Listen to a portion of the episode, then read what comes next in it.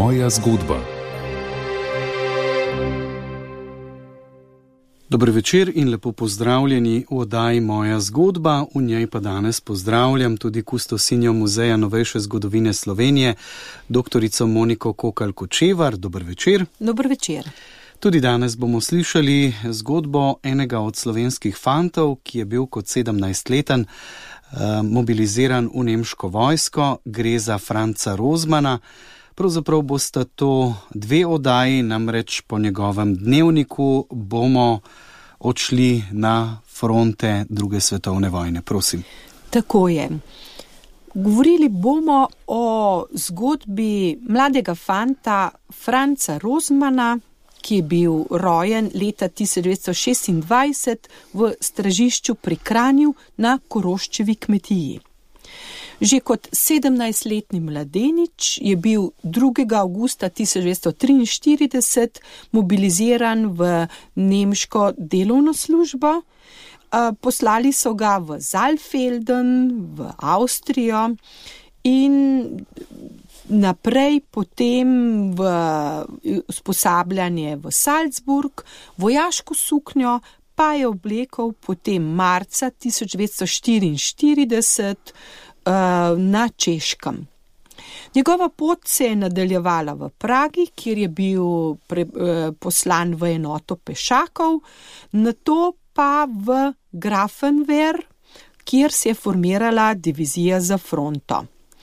Če govorimo o samem Grafenweru, moramo vedeti, da je to eno zelo staro vojaško vežbališče, poznano že od začetka 20. stoletja in tja so že med Prvo svetovno vojno pošiljali na vežbanje mlade vojake, takrat predvsem um, Bavarce, med drugo svetovno vojno pa so tam predvsem vežbali uh, vojake motoriziranih pehotnih divizij. Tako je bil tudi mladi Franc Rozman skupaj z 24 slovenci dodeljen 544 motorni pehotni diviziji. Od tam je bil potem preko Dresdna z vlaki odpeljan na rusko fronto, na Polsko. In tam je Franc kot mitraljezec prvič okusil življenje na fronti. In tam je doživel tudi prve stike s fronto, zvoke Stalinovih orgel in pa doživel je tisti svinčeni krst, ki ga spominjajo vsi, ki so preživeli uh, nemške fronte. Po teh prvih spopadih so potem sledili obrambni boji pri Debici, kjer se je zaključilo njegovo tromesečno življenje na fronti. Potem so jih za nekaj časa poslali v Mahovo na Polsko v zaledje in na to konec novembra zopet na fronto, kjer pa se je potem njegova enota začela od januarja 1945, pa zaradi hude ruske ofenzive umikati. Nekako 500 km so se umikali v težkih zimskih razmerah skozi različne polske vasice v Šleziji. 30. januarja 1945 je bil Franz Rozman ranjen in je bil potem kot ranjenec odpeljan na Dunaj. Med tem zdravljenjem so mu odobrili tudi uh, bolniški dopust, ki pa ga je lahko koristil samo v celovcu. Namreč to vemo, da slovenskih fantov že kar nekaj časa niso pošiljali nazaj domove, ampak so lahko predvsem zaradi tega, ker je bilo celotno slovensko ozemlje proglašeno za tako imenovani bandengebit, uh, um, so lahko koristili dopust le do reke Drave in zato je tudi Franz Rozman uh, ostal na dopustu v celovcu. Tam se je sicer srečal tudi s svojimi domačimi, na to se je vrnil na Dunaj, od tam pa so ga poslali v Linz ob Donavi. Sredi aprila 1945 bi moral Franz zopet nazaj v kasarno v Lincu, vendar pa se je odločil, da bo odšel proti domu. Z vlakom se je odpeljal prek Salzburga do celovca, se preoblekel v civilno obleko in potem nadaljeval pot preko jesenic in peš prišel domov v stražišče, kjer je pričakal konec vojne. Kaj pa je zanimivo v vsej tej zgodbi?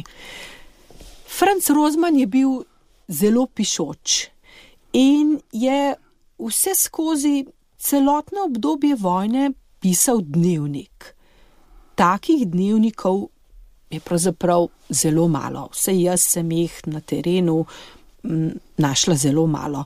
Predvsem takih, kjer bi mlad fant tako natančno popisal vse svoje občutke, v, vsak dan z vsemi detajli in pravzaprav še ohranil en tak um, zdrav, tudi humor in pa zdrav pogled na celotno dogajanje.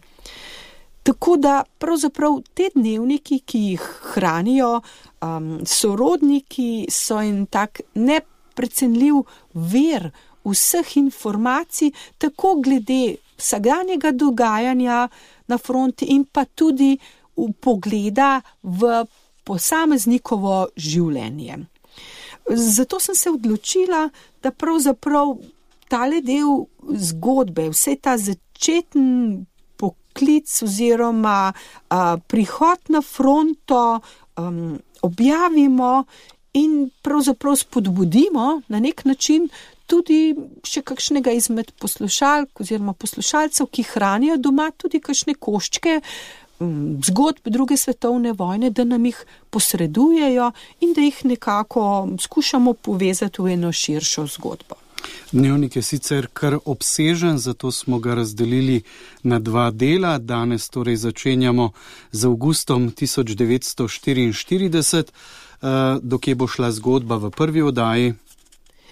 Pravzaprav bomo nekako prišli do sredine bojev in sicer nekako do srede 2. avgusta um, 1944, ko pravzaprav se mladi Franz Rozman že spozna z vojaškimi rovi, že spozna, kaj pomeni biti napaden, um, sreča se tudi z, že z številnimi smrtmi in pravzaprav okusi, kaj pravzaprav pomeni vojna.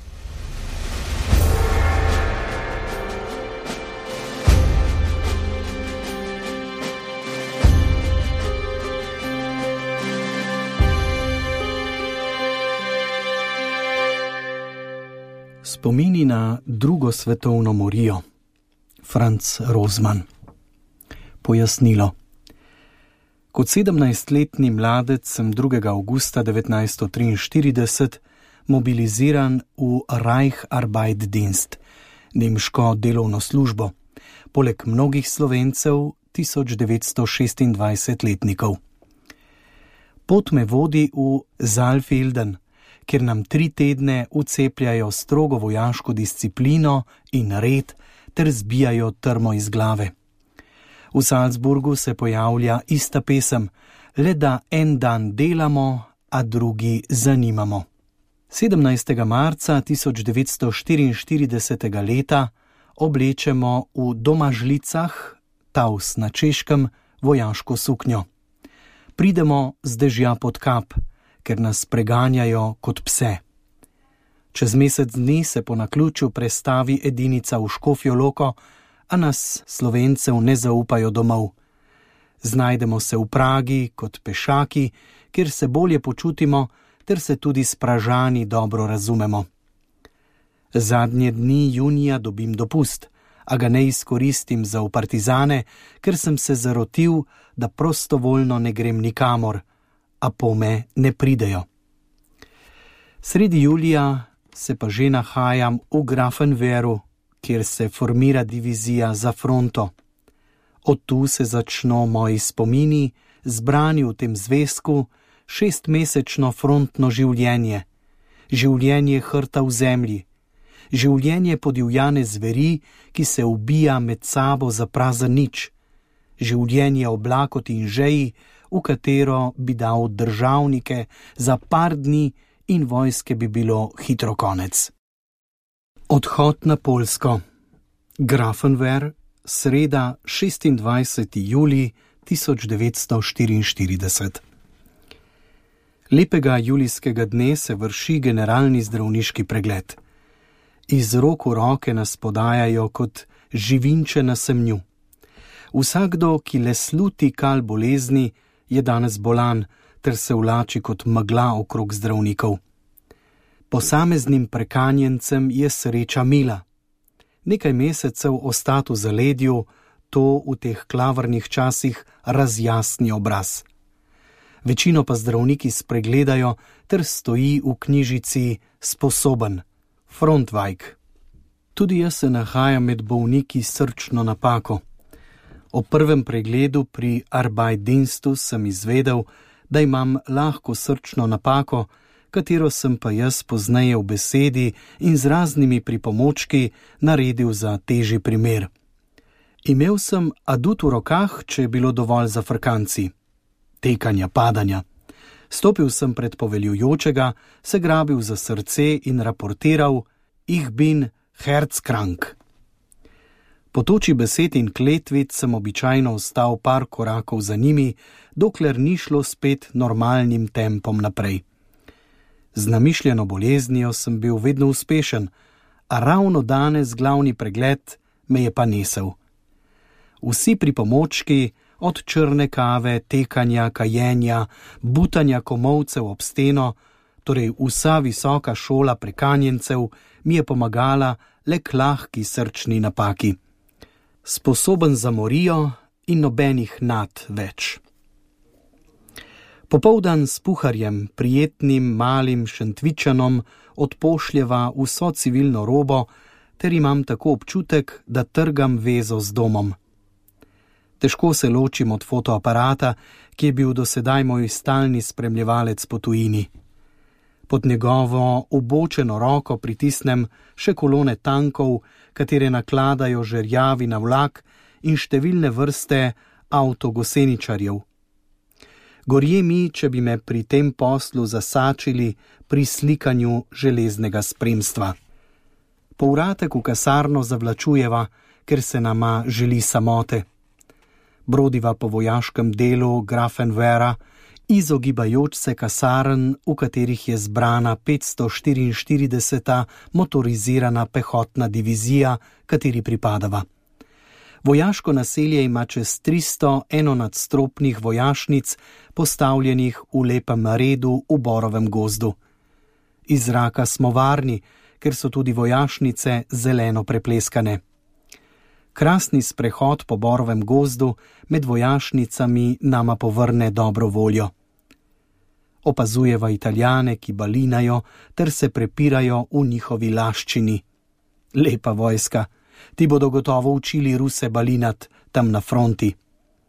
Nič za to, saj z nami ne gredo, ker poleg naše divizije se zbirajo še druge edinice v tem vojaškem Babilonu.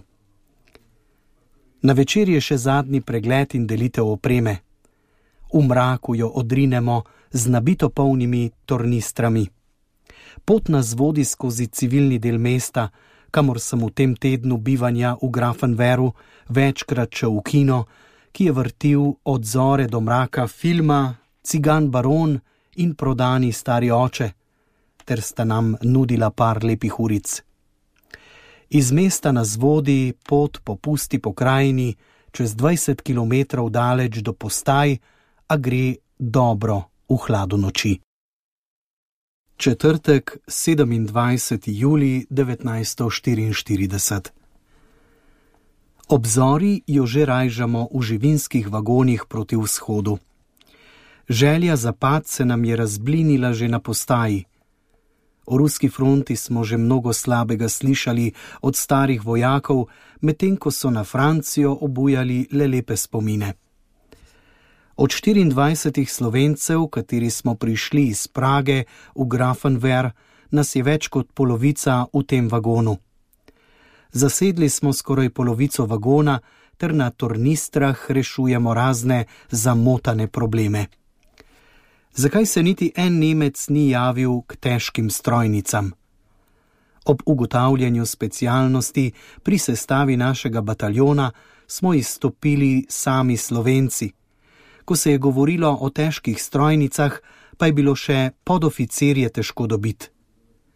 Všeč nam je, ker smo sami Slovenci skupaj. A zakaj se Nemci branijo, nam je ostal trtoreh.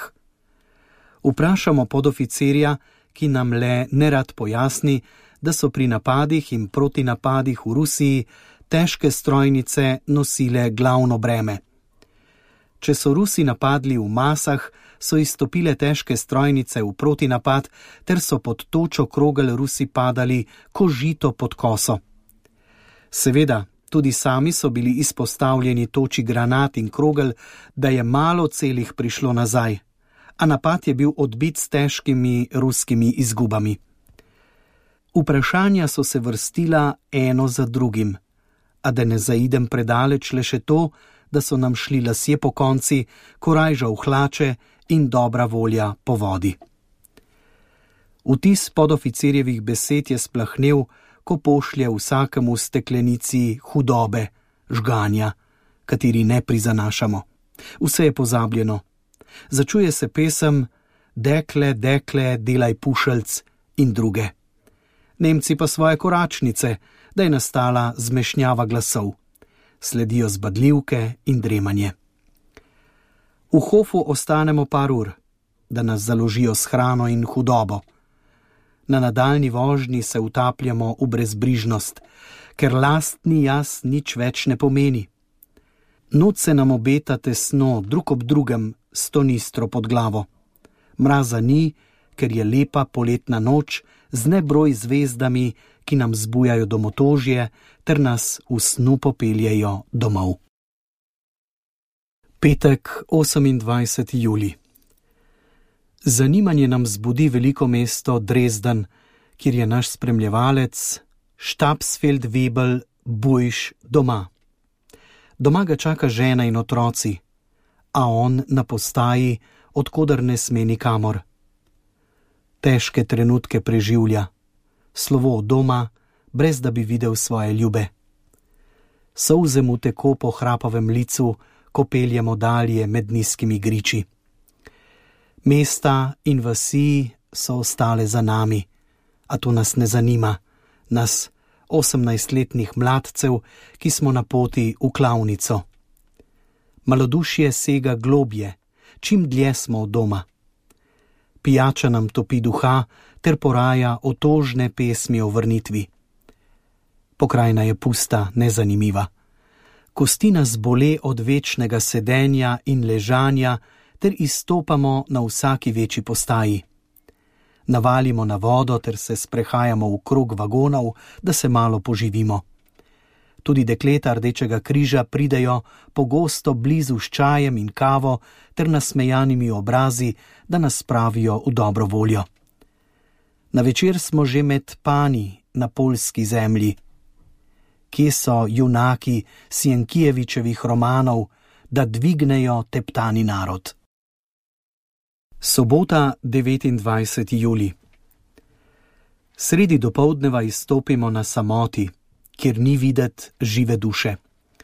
Fronta mora biti še daleč, to so naše prve misli. Še vedno brez orožja, vzamemo pot pod noge tudi to pol še ni čuti. Hitro ugotavljamo, da je bolje slabo voziti, kot dobro hoditi, ker sonce neusmiljeno pripeka. Zaviti v oblak prahu se znojimo pod težkimi tornistrami. Po 12 kilometrih neprijetnega marša se znajdemo na prijetni jasi, obdani z gozdom. Krok jase na robu gozda pa prijetne vikend hišice, v katere nas razporedi. Hišica dela na ulovskem slogu, za njo pa bister studenček, v katerem se kopljemo, brizgamo ter počivamo v senci dreves. izplaknemo perilo, prvič v vojaški suknji, urejamo postelje ter se razkomotimo, kot bi ostali celo večnost na tem letovišču, kjer nam ugaja. Na večer se naš sen razblini v britko stvarnost. Delitev orožja in municije je v polnem teku. Slovenci smo razdeljeni na štiri desetine po šest mož.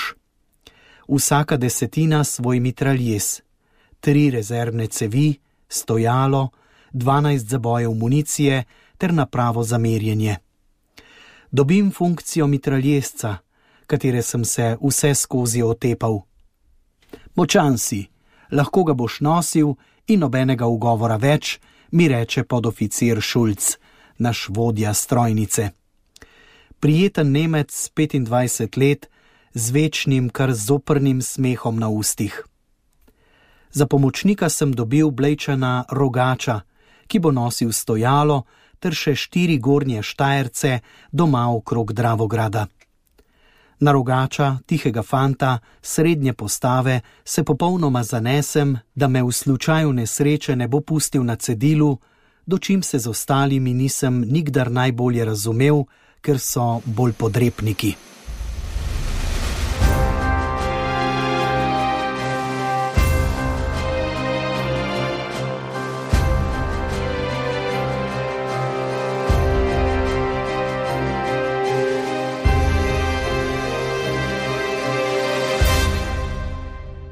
Nedelja, 30. juli. Krok polnoči so naše priprave končane. Kako bomo to kramo nosili, tega naše trudne glave ne morejo razumeti. Pa je prišlo hitro do tega. V sobo pridivja podoficir Bojš, doma iz Drezdna, ter da komando vodjem strojnic, da nas postroje. Ta in ta strojnica pa kaže name in na dravograjčana kozema, da sta pripravljeni čez pol ure v bojni spremi. Strela z jasnega, na mesto v posteljo pa na fronto, luknje mašit, ker se tako mudi. V torbice naložimo najnujnejše iz tornister, katere ostanejo v lagerju. Natovorjeni z orožjem in municijo odražamo v temno noč, ločivši se od ostalih slovencev, katerim je sreča mila, da gredo lahko spat. Obzori pribrzijo za nami avtogoseničari ter nakladajo skupino za skupino. Zdaj gre hitreje klavnici naproti, skozi lepa mesta in borne vasice. Zadnje od večjih mest je Bajshof, a polsko ime mi ni znano. V opoldanski vročini spet pešačimo ter se potimo pod bremenom orožja in municije ugotovimo, da za nas ni več nedelje, ko opazujemo pisana dekleta, posedajoč po klopcah v živahni debati s fantini. Fronta je še daleč, nam roji po glavi, ker živijo tukaj še tako brezkrbno. Konec vasi opeša nosač municije, a tudi drugi so pri koncu s 1200 metki čez ramo. Mobilizirajo mali voziček s fantom vred, da ga bo pripeljal nazaj. S fantom se spustiva v pogovor ter pravi, da fronta ni več daleč. In res, ko dospemo na malo višino, začujemo izstrelke granat, ki padajo zelo pogosto na mali grič, da je vse v pajčolanu dima. Kot bi mignil, se pa znajdemo v jarku kraj ceste, ko jo tudi čez nas prileti tankovska granata, bojni pozdrav. Lepo število nosov je umazanih, ko smo nadaljevali pot. Fanta smo odslovili ter pešačimo še lep čas do male vasice. Na obronku vasi zasedemo položaje, da bomo zaščitnica glavnini, če se umaknejo. Moj prvi položaj v podstrešju lesene bajte mi ni po volji. A šalceva volja je taka. Slabe volje utrjujem trhle stene, ter zavidam Štajercu, ki je v bližini bajte, rujejo po zemlji, delajo položaje. Kakšne volje bi bil, če bi vedel svojo usodo vnaprej, da bom tam čez šest mesecev branil zadnji položaj ter za las ušel smrti. V mraku že čujemo grmenje topov od leve in desne. Ocev ognjev v daljavi se vedno bolj širi za nas. Kaj še mi čakamo v sredini, da nas obkolijo že prvi dan? Prvega ranjenca vidim civila, katerega je šrapnel zadev na polju pri košnji. Občudujem polski narod, ki ostane kar v vaseh ter čaka, kaj mu prinese usoda. Začne se nabiranje kon po vasi, da bo šlo hitreje nazaj, ko pride komanda, katero pričakujemo vsak čas. Stražil sem zajete konje v nekem hlevu ter odganjam civile, katerim ne morem ustreč. Prošnje in podkupovanje me ne omehčata, čeprav bi jim rad pomagal. Konji so odslej naša motorizacija, ker smo bili le do fronte motorizirana pešadija. Ob desetih zapustimo položaje ter se od vseh strani zbiramo na cesti za pohod proti domu. Pomikamo se počasi in previdno, ker spogorišč pada, ponekod tesno do ceste, a reglanje strojnic nas pritiska k tlom. Skozi vrste pride povelje, razposlat patrole levo in desno od ceste ter stroga tišina. Ruske strojnice se oglašajo niti sto metrov od ceste, a slišijo le šum, ker nas v temni noči ne opazijo. Kako stojijo položaji, nam ni jasno, ter o kaki ravni črti, kot smo sanjali, mi novinci, ni govora. Srce nam glasno utriplje, ko padajo rafali okrog nas, a po par kilometrih smo rešeni iz tega obroča. Naša pot na Polsko se je torej zaključila z umikom, še predno smo prišli v stik s sovražnikom. Teden svinčenega krsta in umikov. Ponedeljek, 31. juli. Ob jutranji zori gremo čez manjšo reko, pritok reke Sana. Most je lesen, ter imajo pontoniri že vse pripravljeno za uničenje mostu. Ob reki zavijemo na desno, ter se ob nivah zrelim žitom pomikamo še dober kilometr. Tukaj bo naš položaj, pravi Šolc, vodja strojnice.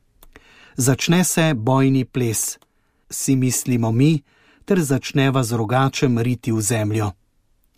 Ni pretirano, če rečem riti, ker narediti polkrožni položaj za strojnico z malo lopatico, katero nosiš na pasu, ni mala reč. Položaj sva se polotila delati v žitu 15 metrov od reke, na katero je lep razgled. Zadovoljna sva, ker je položaj narejen, da bi kar na korajžo klicala, ker naj jo ščiti naravna zapredka reka. Kurir puhar nam prinese suho hrano, marmelada, konzerve in kruh.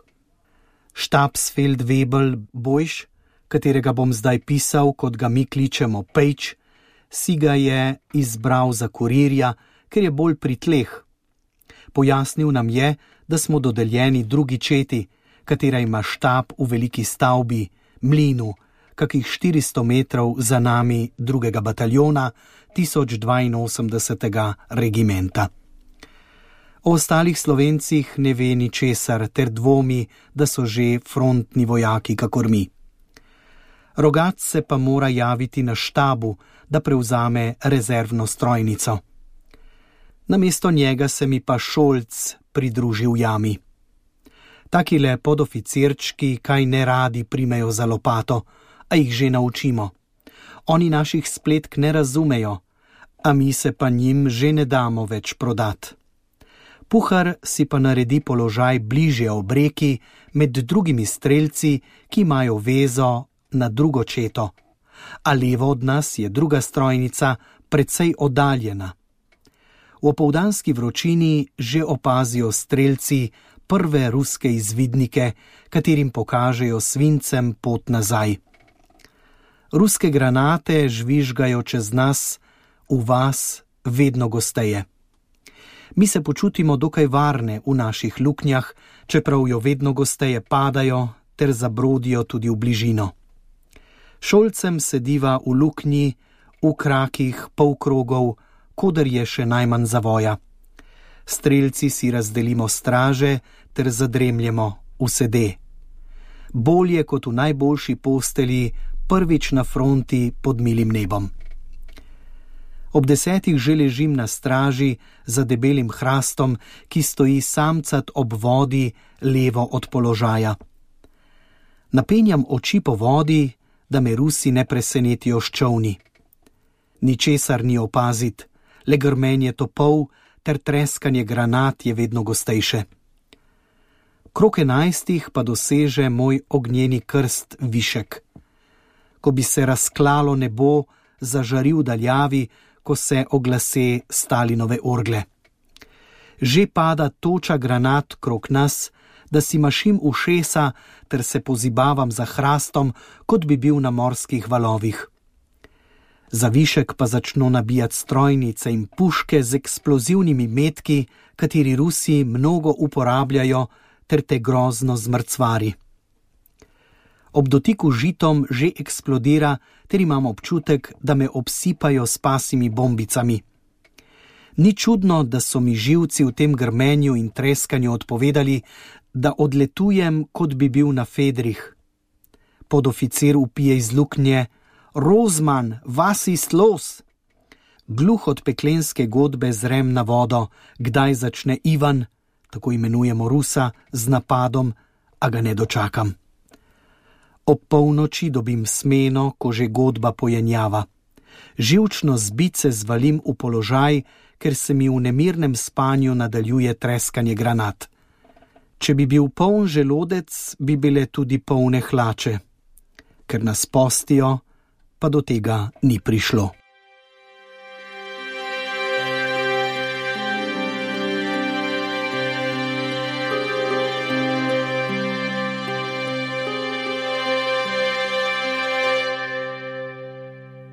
Torek 1. augusta.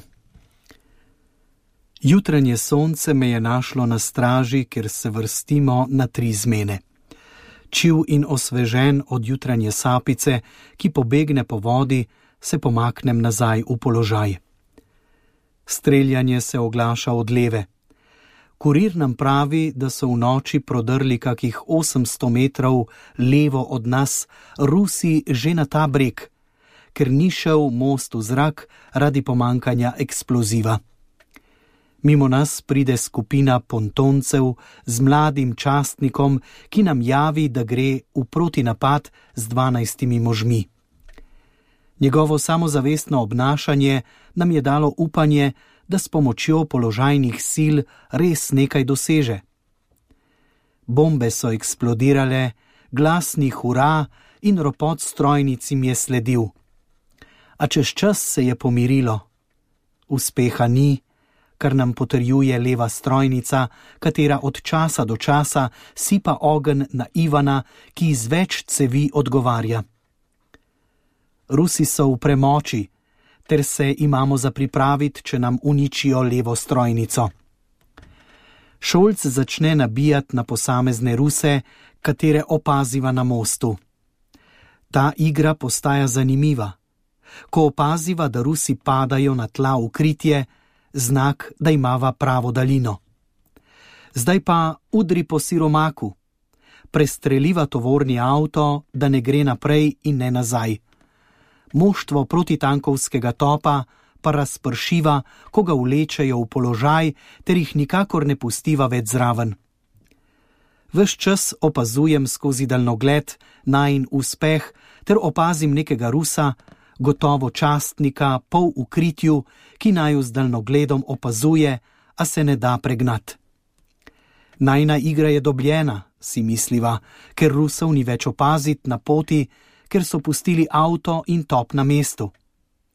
Zadovoljna s prvim uspehom, dremava v položaju, uroče sonce pripeka na upično na naju, prah naju razjeda, žeja pritiska, a reka je le 20 metrov proč bolje malo potrpeti, pravi Šolc, ker na nasprotnem bregu je gosto grmovje, ter nas izvidnica lahko preseneti.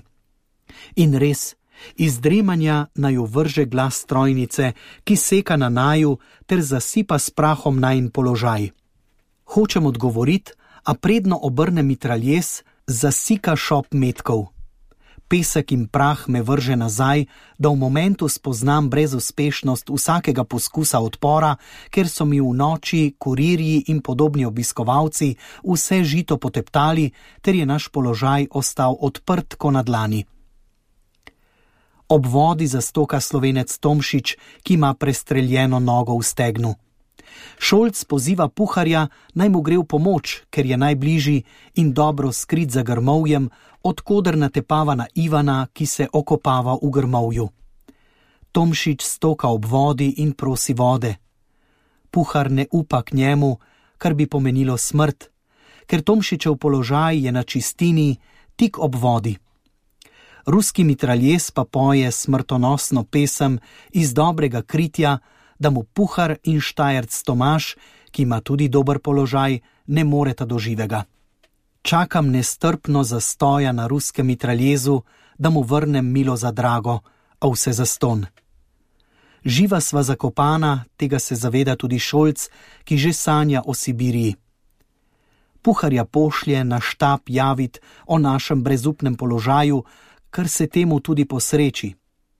Tomaš pa preskoči iz položaja za hrast, kjer sem v noči stražil, a do ranjenca ne more, ki samo še stoka ter se ne oglasi več. Sedaj pa je on v nevarnosti, ker ga metki zasipavajo, ter se ima debelini hrasta zahvaliti za življenje. Ko vidi, da je vsaka pomoč nemogoča, skoči srečno v najno luknjo. Ruski ostrostrelci, kakor smo jih obsodili, so pa šele začeli krvavo žetev. Peč nam pošlje bolničarja, katerega ranijo na pol pota do nas, ter se trnajoč umakne.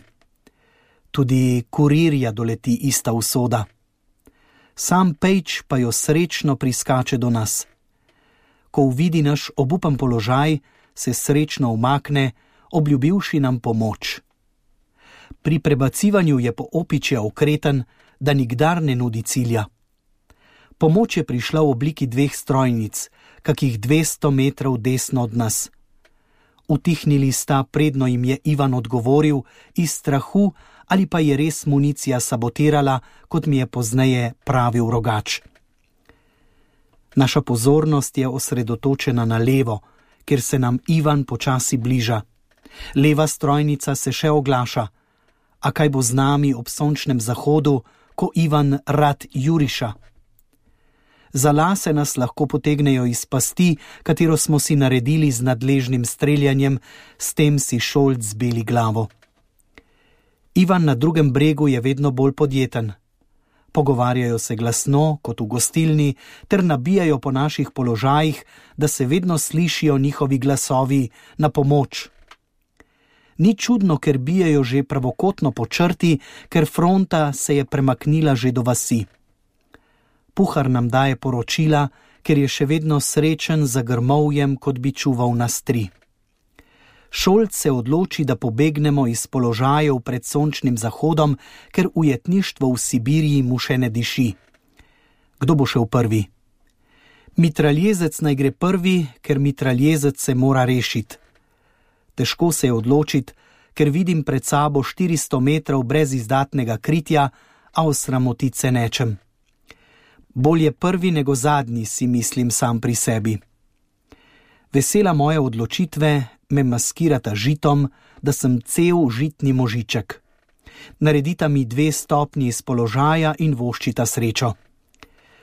V mislih že ležim za kupom prsti, katero smo na mesto pred položaj zmetali zadaj, kar je mnogo krivo naše prostovoljne ječe. Ko Rusi spet živahno debatirajo, se poženem iz jarka z besedami: Bog in svet križ božji, kot je pri starih ljudeh navada v nevarnosti. V vijugah se poganjam skozi žito, ki se izdajalsko maje. Skočim v krompir, žvižgajo metki, pade rafal, a jaz že preplazim lep kos, da jih ukanim. Skočim čez peso v žito, v vijugah skozen v spremstvu metkov še sto metrov kot preganjena divjad in rešen sem na robu vasi pri mlinu. Zamazan in utrujen se primajam v obokani hlev, odkudar čujem glasove. Rozman, kakšen pa si, se oglasi rogač skota. Ni čuda, da so strahom zrli vame, ko se pogledam v ogledalu. Od nog do glave imam enotno barvo, obleka, kakor obraz sta enako prstena. Da v mitraljezu molčim, ker cel je postala brez luknje. Snamem čelado, a kape nikjer. Ostala je plen Ivanu. Prisopiha Tomaš brez municije, kape ter s prestreljeno porcijo, prispodoba mene.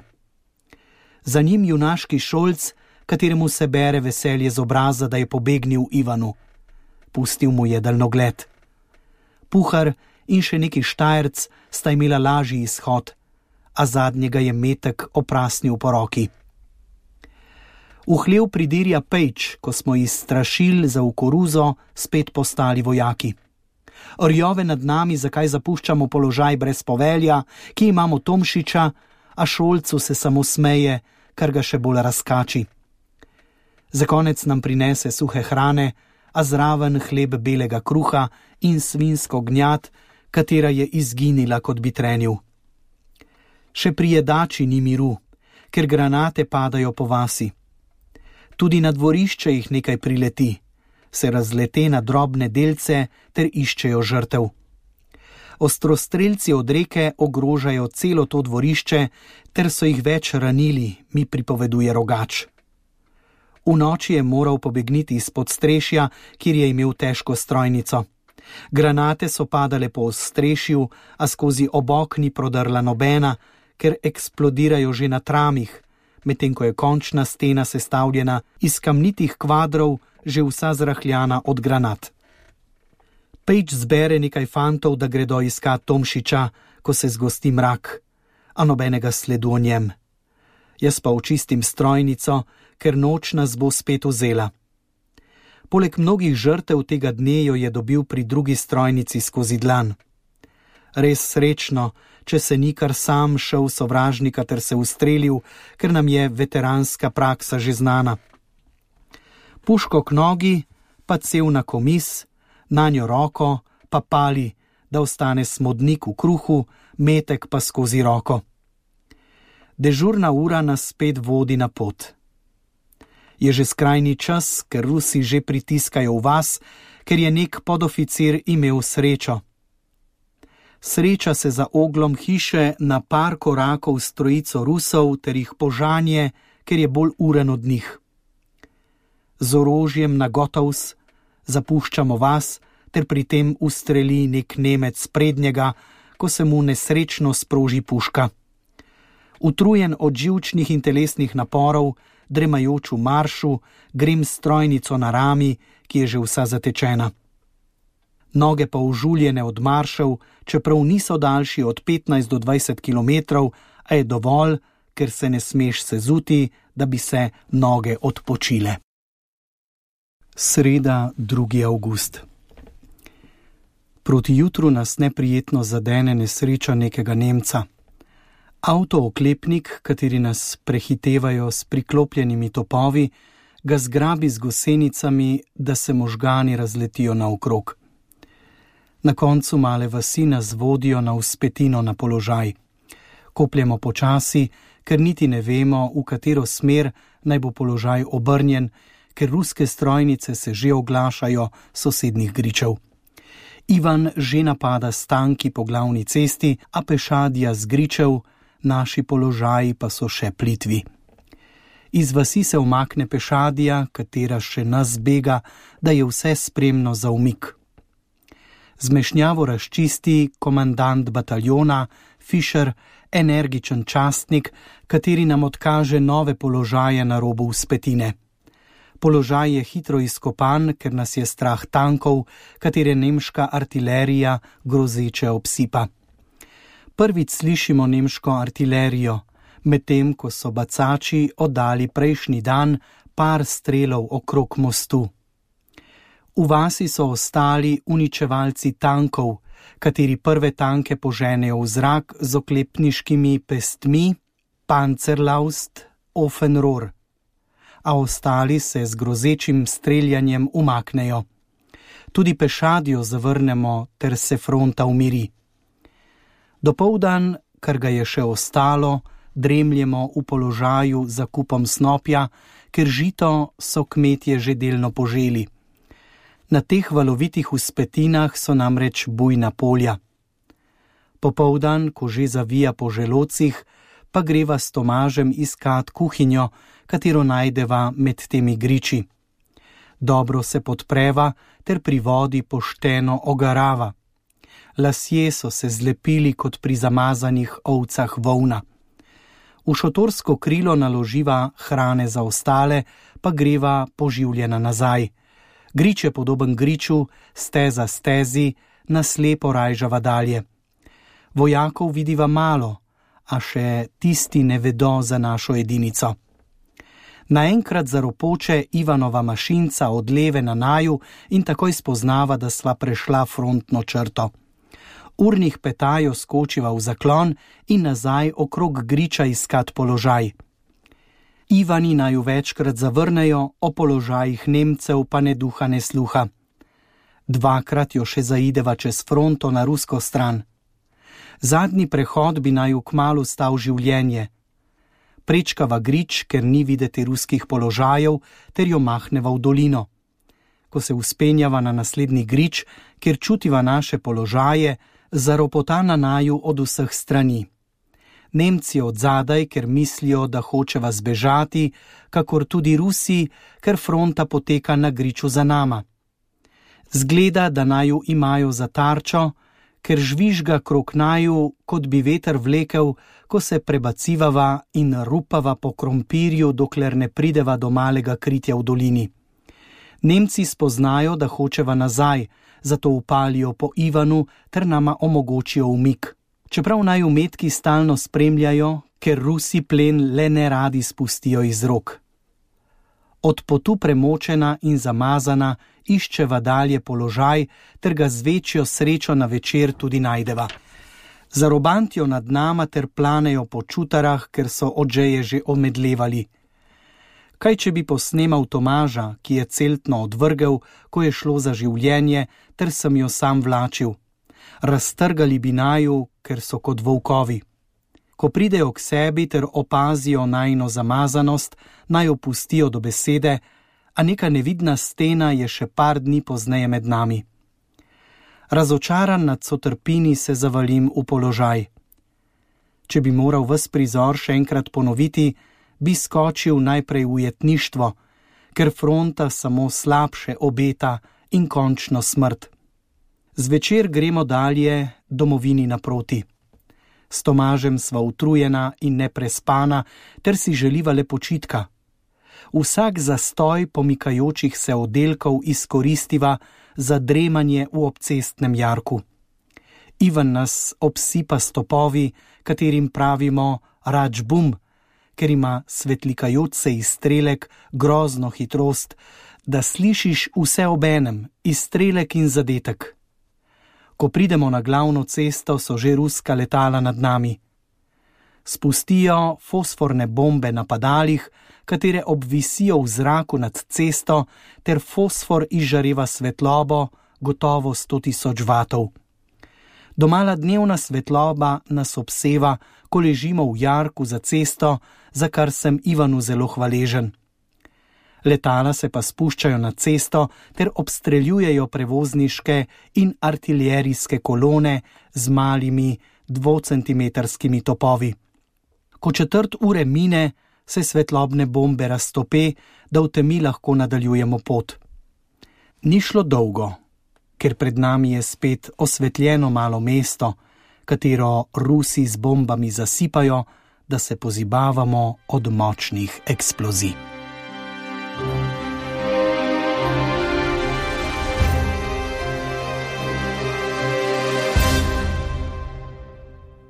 To so bili vtisi iz dnevnika Franca Rozmana, bral sem jo že Bartol, kustosinja Muzeja novejše zgodovine Slovenije, dr. Monika Kokal Kočevar. Eh, spomini Franca Rozmana bomo nadaljevali tudi v prihodnji oddaji. Tako je. Sama zgodba Franca Rozmana je tako zanimiva, ne samo zaradi tega, ker 17-letni fant tako natančno popiše dnevne dogodke, In pravzaprav, ko sem ta prvič brala, sem rekla, pa prav, ta 17-letni mladenič je bil zel, zelo odprt, je zelo dobro spremljal vse, kar se okrog njega dogaja, in to je znal tudi zelo dobro zapisati. Hkrati mu je pa uspelo tudi vse te dnevnike tudi rešiti in prinesti domov. Hvala lepa torej za nocoj. Prihodni teden pa prisluhnite ponovno nadaljevanju spominov Franca Rozmana na drugo svetovno vojno. Hvala lepa in lahko noč. Lahko noč. Oddaja moja zgodba na radiju Ognišče.